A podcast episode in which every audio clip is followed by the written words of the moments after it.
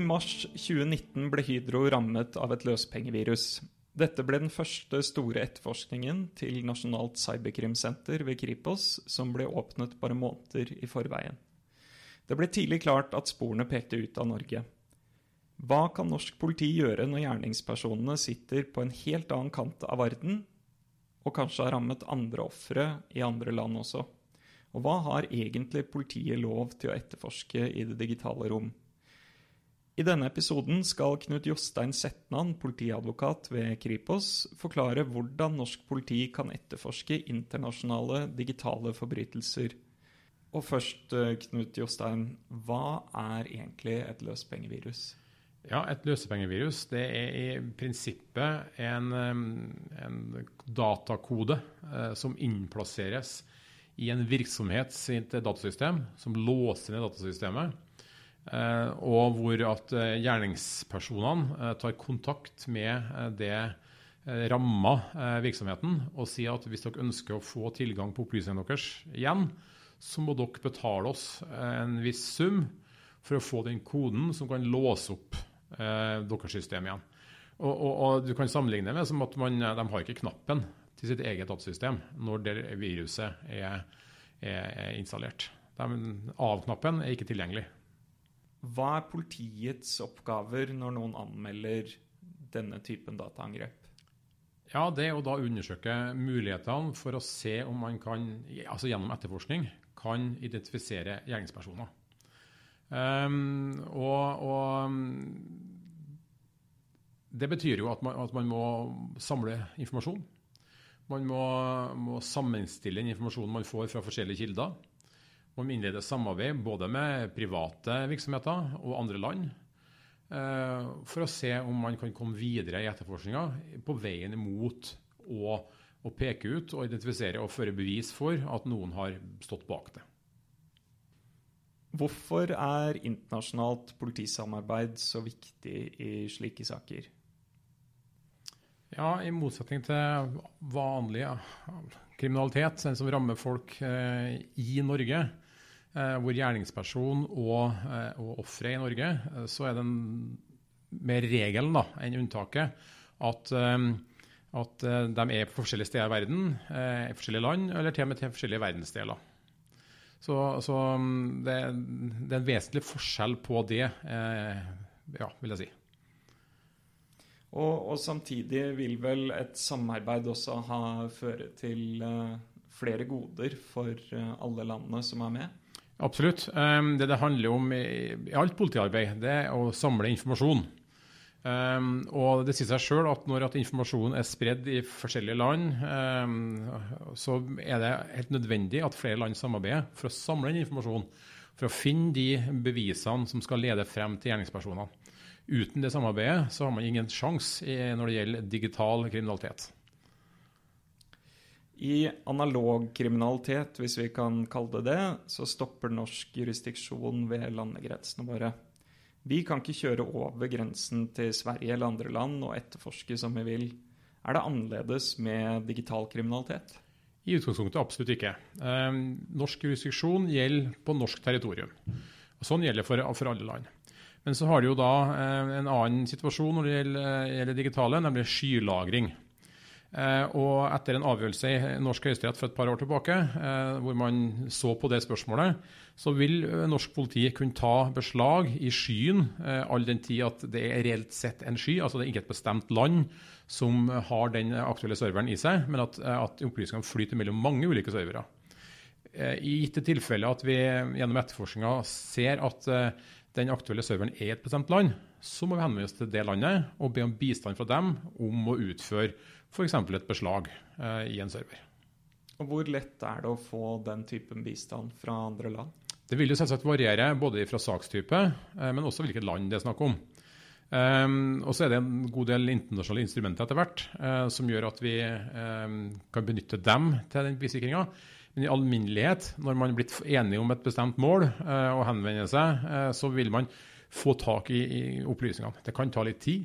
internasjonalt samarbeid er veldig tidkrevende. Um, og Jeg vil jo våge den påstanden at man har en vei å gå for å få opp farten på samme måte som de digitale opplysningene flyter, og, og muligheten for å sikre opplysninger til en straffesak. Så det er jo noen ting som det jobbes med internasjonalt. Men kan vi f.eks. tvinge oss inn i servere som står i andre land, mens vi fortsatt sitter hjemme i Norge? Nei, norsk politi kan ikke gjøre det. Det vil være et datainnbrudd på, på fremmed statsgrunn. Eh, eh, hvis vi oppdager det, så må vi gjøre som jeg nevnte i sted, altså da må vi henvende oss med en rettsanmodning eh, og be det aktuelle landet om å sikre de opplysningene ut ifra den identifikasjonen som vi har gjort. Kanskje så må vi også hjelpe oss med å identifisere det nærmere, men, men vi må be om hjelp til å utføre altså bruk av tvangsmidler da, i andre land. Og Det er det egne prosesser for. Mm. Eh, hva er Europol og Eurojus sine roller og oppgaver i denne typen saker? Ja, altså Ta Eurojust først. da. Det er jo det judisielle eh, samarbeidet i Europa. Det påtalemessige samarbeidet. Europol er det politimessige samarbeidet, eh, som begge har eh, hovedsete i Haag. Så Haag er et nav for det internasjonale straffesakssamarbeidet, eller det europeiske straffesakssamarbeidet. Uh, sin rolle er jo rett og slett å tilrettelegge for samarbeid, på samme måte som Europol. Men i tillegg så har Europol da også um, en god del uh, spesialister innenfor bestemte altså Det kan være, være altså digital altså digitale undersøkelser, av spor, digitale beslag. Som er tverreuropeisk. Folk fra hele Europa jobber der. Hvordan foregår det samarbeidet? Altså Møtes man fysisk? Utveksler man all informasjon man har? Hvordan, hvordan jobber dere? Ja, Det er veldig varierende. Eh, man har eh, altså det hele spekteret. Eh, du kan sammenligne veldig mye som man vil samarbeide med i, i Norge, mellom politidistriktene f.eks. Men klart det har jo sine særegenheter. Det er da både videomøter og helt, altså med, med, mange til stede, men også bilaterale møter, avhengig av hvem det samarbeider med, men også fysiske møter, eh, og da ofte i Haag.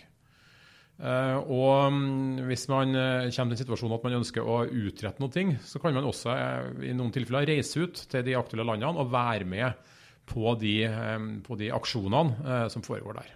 Hva har Norge med til bordet som gjør at andre land vil samarbeide med oss? Det vil variere. Um, altså, det å ha en Det kan avhenge av en sak. da. Har man en unik sak med opplysninger uh, som er relevant for et land, så vil det kunne være en, en, en faktor i seg selv. Men etter hvert så jobber man jo med, med å utvikle kompetanse.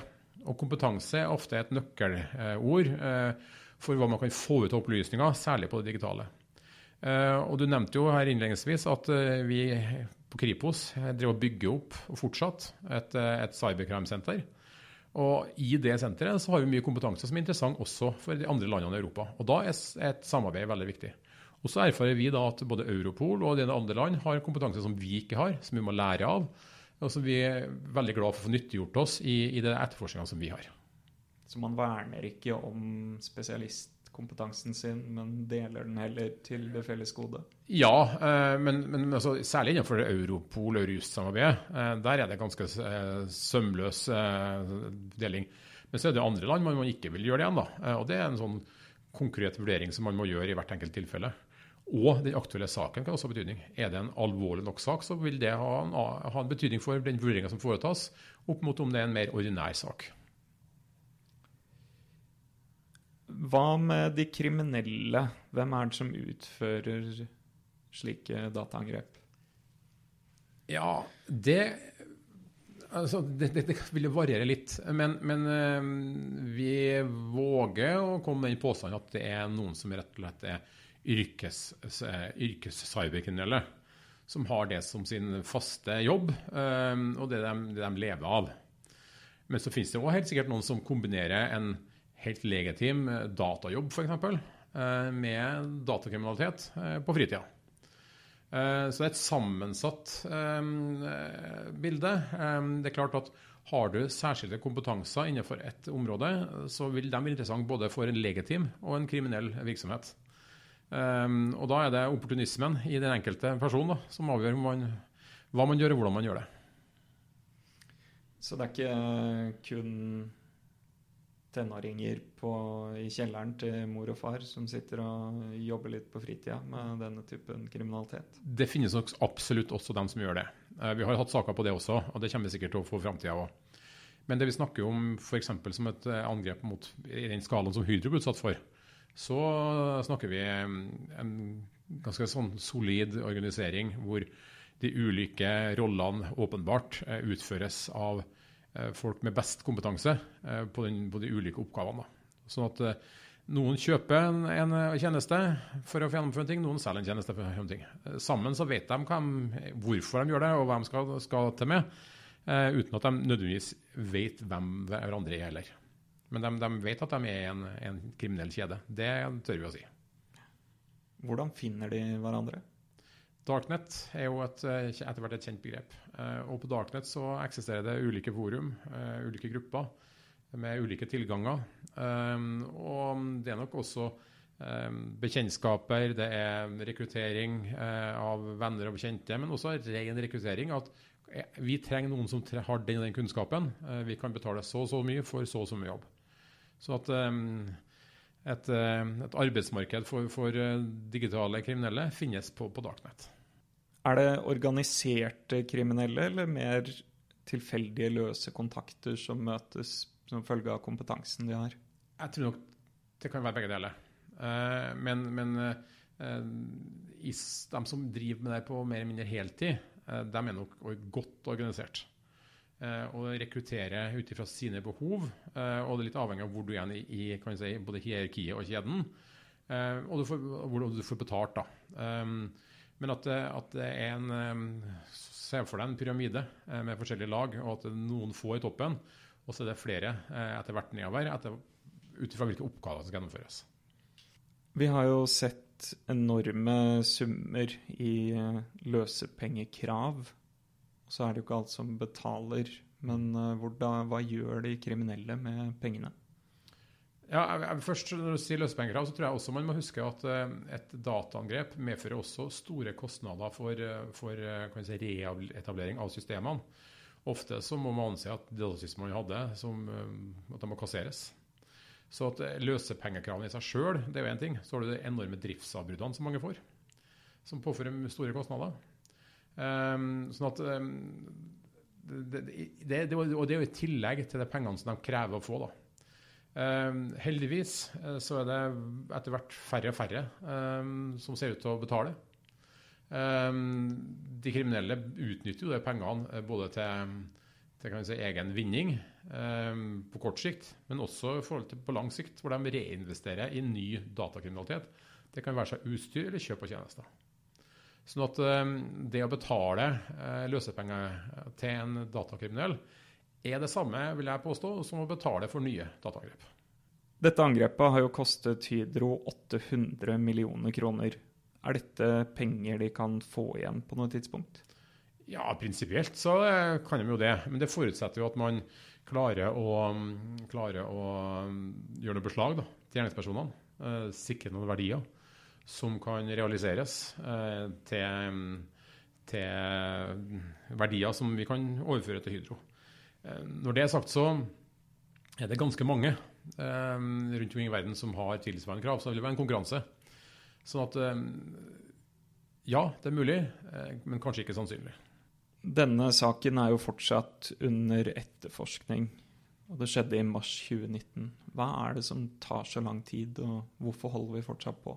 Da må vi tilbake litt til det vi snakka om litt tidligere, nemlig det internasjonale samarbeidet og mengden av opplysninger.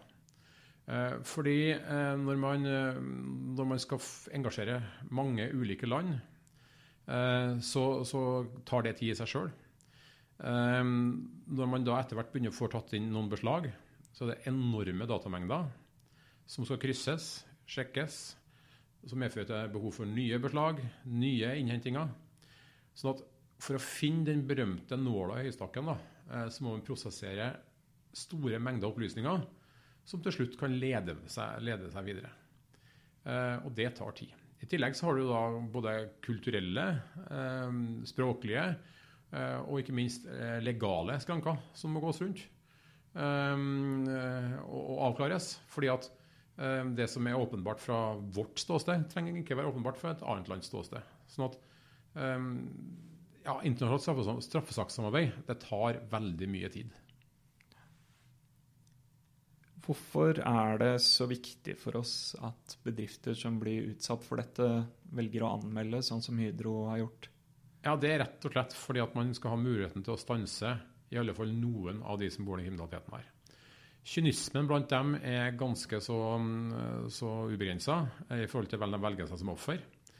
Um, og uten anmeldelser nærmest ingen opplysninger til politiet. Og det er opplysningene politiet og informasjonen eh, som man får, som politiet er avhengig av for å kunne komme noe videre.